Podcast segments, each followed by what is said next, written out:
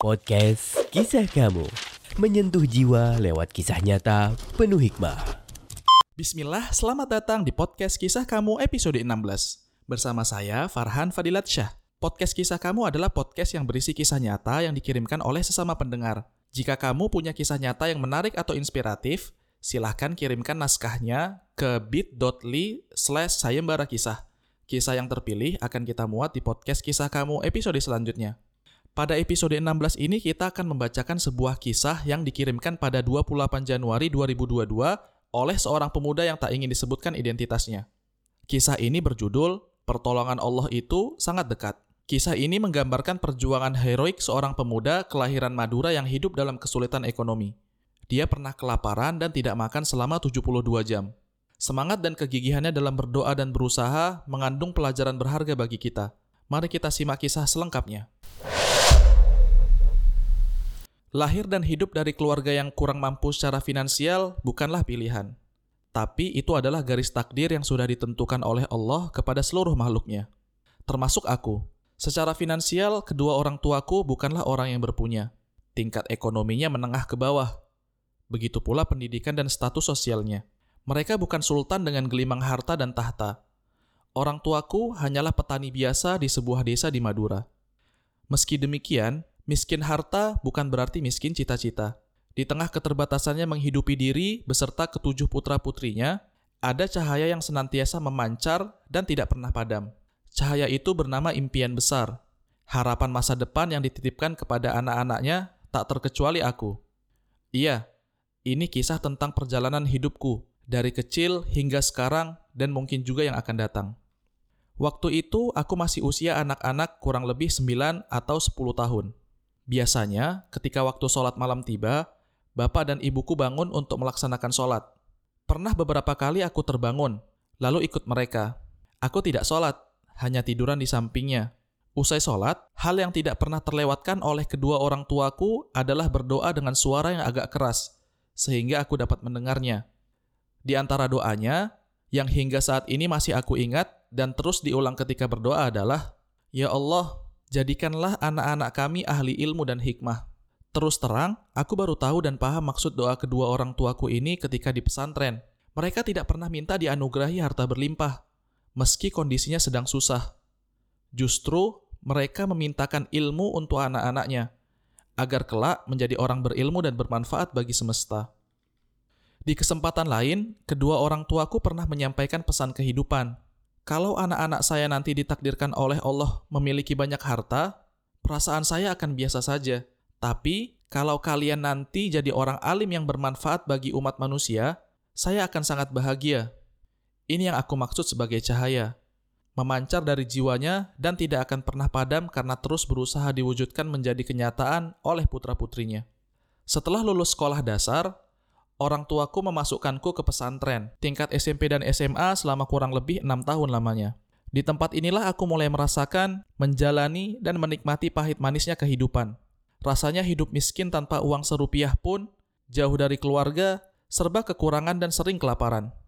Pernah suatu waktu, hampir tiga bulan orang tuaku tidak datang menjenguk ataupun mengirimi uang dan beras. Alhasil, selama itu pula aku harus menahan perihnya rasa lapar berjuang agar terus bisa belajar dengan tenang dan nyaman seperti teman-teman seperjuangan. Tiga bulan bukanlah waktu yang sebentar. Uangku sudah tidak ada sama sekali. Begitupun stok beras untuk dimasak. Kadang, untuk mengurangi atau mengganjal rasa lapar, aku minum air dalam jumlah yang banyak. Aku bisa makan kalau ada temanku yang menawariku makanan, meskipun pada akhirnya aku merasa malu karena terlalu keseringan. Normalnya, orang makan itu tiga kali sehari, yakni pagi, siang, dan malam. Aku justru sebaliknya. Tiga hari hanya makan sekali. Itu pun kalau ada. Sempat juga makan kerak nasi tanpa lauk pauk. Punya teman yang sudah tidak dimakan lagi. Makannya juga sembunyi-sembunyi. Di malam hari dan di tengah kegelapan. Agar tidak ada orang yang tahu kalau aku sedang kelaparan. Kalau tidak ada yang bisa dimakan, maka aku bawa tidur saja. Agar mengurangi rasa lapar yang ada. Peristiwa ini adalah peristiwa paling pilu dan pahit dalam kehidupanku. Dalam kondisi kelaparan, depresi, frustasi, malas berbicara dengan orang hingga berdiri dan berjalan saja gemetaran. Aku sampai mengutuk kedua orang tuaku dan juga Tuhan. Peristiwa yang sempat menggoyahkan keimanan. Benarkah Tuhan itu ada? Dan jika Tuhan itu ada, kenapa aku dibiarkan terlantar dan kelaparan? Memang selama menempuh pendidikan di pesantren, ujian paling berat bagiku adalah kekurangan finansial. Kurang lebih enam tahun hidup dengan penuh kekurangan dan lebih banyak merasakan kesusahan daripada kesenangan. Musibah tersebut aku alami ketika baru masuk SMA, di mana usia pertumbuhan fisik bagi seorang remaja bekerja maksimal. Namun, karena kurang makan, pertumbuhan fisik itu tidak aku rasakan. Tubuh aku kecil dan kurus hingga sekarang. Pernah sakit cukup lama dan harus istirahat total di rumah setengah tahun lamanya. Kemudian sembuh, tapi belum bisa kembali ke pesantren karena belum ada bekal. Bapak dan ibuku kebingungan, pergi ke sana kemari sambil berharap ada orang yang mau memberikan pinjaman uang. Hasilnya nihil dan harus menunggu hasil panen baru bisa punya sedikit uang. Dalam situasi demikian, Allah itu hadir memberikan pertolongan lewat perantara kakak pertamaku yang sedang kuliah di negeri seberang. Ia memberi kabar dan berjanji akan membantu sedikit uang jajan setiap bulan. Selain itu, ia juga menyekolahkan kelima adikku dan menyewakan ruko untuk jualan orang tuaku. Cita-cita yang hampir padam, tiba-tiba ada secercah harapan dan mampu menyalakan sinarnya lagi sampai sekarang. Berkat doa orang tua serta dukungan dari saudara, impian-impian besarku hidup kembali. Salah satu cita-cita yang sering aku ucapkan dan panjatkan kepada Allah kala itu adalah pendidikan formalku harus sampai doktoral. Mengunjungi seluruh kota dan provinsi di seluruh Indonesia, mengelilingi dunia dalam rangka mengajarkan ilmu pengetahuan kepada umat manusia sebagai upaya mewujudkan harapan kedua orang tua. Menariknya, keterbatasan dan kekurangan dalam hidup mengantarkan aku merasakan dan menikmati manisnya kehidupan, membuat aku paham arti perjuangan, kesabaran, lebih dekat dengan Tuhan, serta menjadikan aku lebih kuat menghadapi badai sehingga tangguh melewati segala bentuk rintangan. Dari peristiwa kelaparan itu, aku banyak belajar tentang bagaimana menjalani kehidupan agar selalu menjadi pemenang. Sekarang, aku tidak akan pernah gentar lagi, gundah dan gelisah menghadapi musibah. Sebesar apa pun cobaan dan masalah kehidupan, aku akan hadapi dengan santai, karena masalah kehidupan paling besar bagiku adalah kelaparan, dan aku sudah melewatinya dengan penuh perjuangan. Aku semakin yakin bahwa Allah itu ada, sebab aku pernah 72 jam tidak makan dan masih hidup hingga saat ini.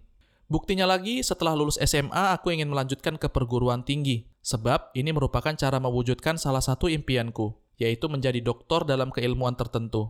Biaya belum ada sama sekali, dan sumber untuk mendapatkan uang juga belum ada. Niat dan tekad sudah bulat, pokoknya wajib menjadi sarjana bagaimanapun caranya. Rencananya, meskipun tidak punya uang, aku akan nekat berangkat ke Jakarta. Pilihannya hanya dua, kuliah sambil kerja atau bekerja sambil kuliah. Kedua orang tuaku juga merestui niat serta rencana baikku, merantau ke Jakarta untuk mencari ilmu, bukan bekerja. Meskipun waktu itu aku belum punya gambaran seperti apa kehidupan di Jakarta, tapi aku mempunyai keyakinan yang pasti bahwa Allah ada di sana dan akan memberikan pertolongan padaku. Karena orang tua, saudara, dan aku sudah berdoa, lalu ada ikhtiar untuk merealisasikannya. Ternyata benar, Allah menepati janjinya. Melalui kakak dan temannya yang ada di Bali, mereka menghubungi dan menawari aku untuk berkunjung ke Bali. Ongkosnya ditanggung semua oleh teman kakakku, seorang perempuan mu'alaf yang sekarang sedang mengelola lembaga pendidikan di Kabupaten Negare, Bali. Di sana, selain diajak jalan-jalan, aku ditawari juga untuk ikut pelatihan. Namanya Pendidikan Dai Muda selama kurang lebih tiga bulan. Tak hanya selesai di situ, Allah pertemukan aku lagi dengan orang-orang baik. Setelah selesai mengikuti pelatihan, aku ditawari lagi oleh para pengurus dan pengajar di sana untuk melanjutkan studi S1 program beasiswa. Saat itu, pilihan kampusnya hanya dua, yakni Balikpapan di Kalimantan Timur dan Surabaya di Jawa Timur. Aku pilih Surabaya sebagai tempat menempa diri menjadi seorang sarjana. Inilah rencana Allah. Aku inginnya ke Jakarta, tapi Allah antarkanku ke Surabaya. Sesampainya di Surabaya, aku sudah tidak lagi memikirkan masalah biaya. Cukup duduk manis, belajar penuh semangat dan bahagia selama empat tahun. Bahkan setelah kuliah, aku bisa membantu meringankan beban orang tua, mengirimi uang jajan untuk adik-adikku. Selama empat tahun kuliah, aku belum pernah menghadapi masalah krusial. Hanya rintangan-rintangan kecil, dan itu semua bisa aku lalui dengan mudah. Sekali lagi, karena memang aku sudah pernah mengalami pahitnya kehidupan. Dan aku yakin Allah akan datang membawa pertolongan. Jadi, jika bukan masalah semisal atau lebih besar dari kelaparan, maka hal itu aku anggap sebagai riak-riak kehidupan yang berfungsi menguatkan mental. Impianku dan kedua orang tuaku satu persatu mulai jadi kenyataan. Ketika hendak lulus S1, niatku langsung melanjutkan ke pascar sarjana, karena cita-citaku adalah melanjutkan studi hingga tingkat doktoral. Meskipun biaya untuk jenjang S2 belum ada, aku kencangkan doaku siang dan malam, dibarengi dengan ikhtiar berupa belajar dan menabung uang. Doaku ketika itu adalah, Ya Allah, Hamba ingin sekali melanjutkan studi jenjang S2 sebagai bakti kepada kedua orang tua dan melaksanakan perintahmu menuntut ilmu. Mudahkan urusan belajar hamba, luaskan rizki hamba, tempatkan dan pertemukan hamba dengan wilayah serta orang-orang yang bisa memudahkan hamba kuliah S2. Doa ini terus aku lantunkan siang dan malam. Doa ini terus aku lantunkan siang dan malam hingga surat kelulusan dibacakan. Allah Subhanahu wa taala mengabulkan permohonanku dengan mengirimkanku ke Bandung, Jawa Barat. Satu tahun setelah kelulusan S1, aku mendaftar di salah satu universitas Islam negeri di Bandung sebagai mahasiswa pasca sarjana. Ketika aku memakai toga dan secara resmi dinyatakan lulus sebagai mahasiswa pasca sarjana, hati dan pikiran berkata, mata berkaca-kaca sambil melihat senyum sumringah penuh kebahagiaan dari ibuku. Ya Allah, apakah ini hadiah untuk aku dan keluargaku darimu? Delapan tahun yang lalu, hamba kelaparan. Sekarang engkau anugerahkan kepada hamba kesenangan serta kebahagiaan. Inikah jawaban atas doa-doa kami di sepertiga malam? Gumamku sambil memeluk erat ibuku. Berikutnya adalah keliling Indonesia dan dunia, berbagi pengalaman dan mengajarkan pengetahuan. Hingga kini, aku sudah mengunjungi kurang lebih 108 kabupaten atau kota dan 11 provinsi di seluruh Indonesia. Rasanya mustahil jika melihat latar belakangku dan daerah kelahiranku. Anak kampung tidak punya uang dan wajah pun pas-pasan. Jika Allah berkehendak, tidak ada yang tidak mungkin. Semuanya akan menjadi kenyataan. Terakhir, setelah lulus S2, aku belum punya pasangan. Padahal, aku itu rencana awalnya pergi ke Jakarta, kuliah, kerja, lalu menikah dengan mahasiswi di kampus yang sama. Allah Subhanahu wa taala tahu kapasitas dan kemampuanku, sehingga jodoh aku masih dirahasiakan sebelum tuntas masa studi S2. Aku mulai berdoa minta jodoh sejak SMP hingga S2. Ya Allah, anugerahkan kepada hamba istri yang soleha, cantik, dan pintar. Begini kira-kira doanya. Hampir tidak percaya dan tidak pernah menyangka, ketiga kriteria istri yang selalu aku panjatkan menjadi kenyataan. Ini bukan hanya pujian dari aku sebagai suaminya, tapi orang-orang yang pernah bertemu, tahu, dan kenal mengatakan hal serupa. Istriku cantik, soleha, dan pintar. Kini aku sudah sampai pada tahap keyakinan yang paling dalam bahwa apa pun yang kita inginkan, kemudian kita munajatkan kepada Allah dengan penuh keyakinan dan diiringi dengan usaha yang maksimal, niscaya Allah Subhanahu wa taala akan kabulkan dan akan menjadi kenyataan. Tentu tidak langsung bersamaan dan mungkin juga tidak sama persis seperti yang kita harapkan. Ada waktu tunggu bagi orang-orang yang sabar dan mengerti. Boleh jadi kita diuji dulu dengan sebuah permasalahan untuk mengetahui apakah kita sanggup melewatinya sebelum nanti menerima amanah darinya. Prinsipnya ada kemauan, usaha, dan doa secara maksimal. Hal ini memaksaku untuk lebih sering bersujud kepadanya, memohon petunjuk sekaligus pertolongan. Maka sungguh benar sabda Nabi Muhammad SAW di dalam hadis kutsinya, yang mana Allah berfirman, Aku tergantung pada prasangka hambaku.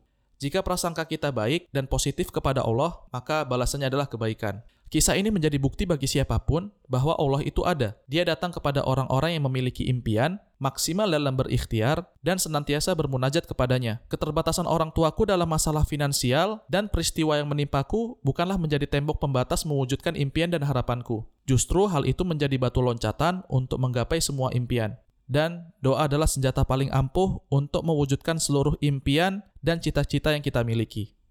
Terima kasih sudah mendengarkan kisah ini hingga akhir. Jika kamu suka dengan kisah ini, silakan bagikan ke media sosialmu dengan tag @fadilatsyah. Semoga banyak pelajaran yang bisa kita ambil dari kisah ini. Sampai jumpa di episode selanjutnya. Wassalamualaikum warahmatullahi wabarakatuh.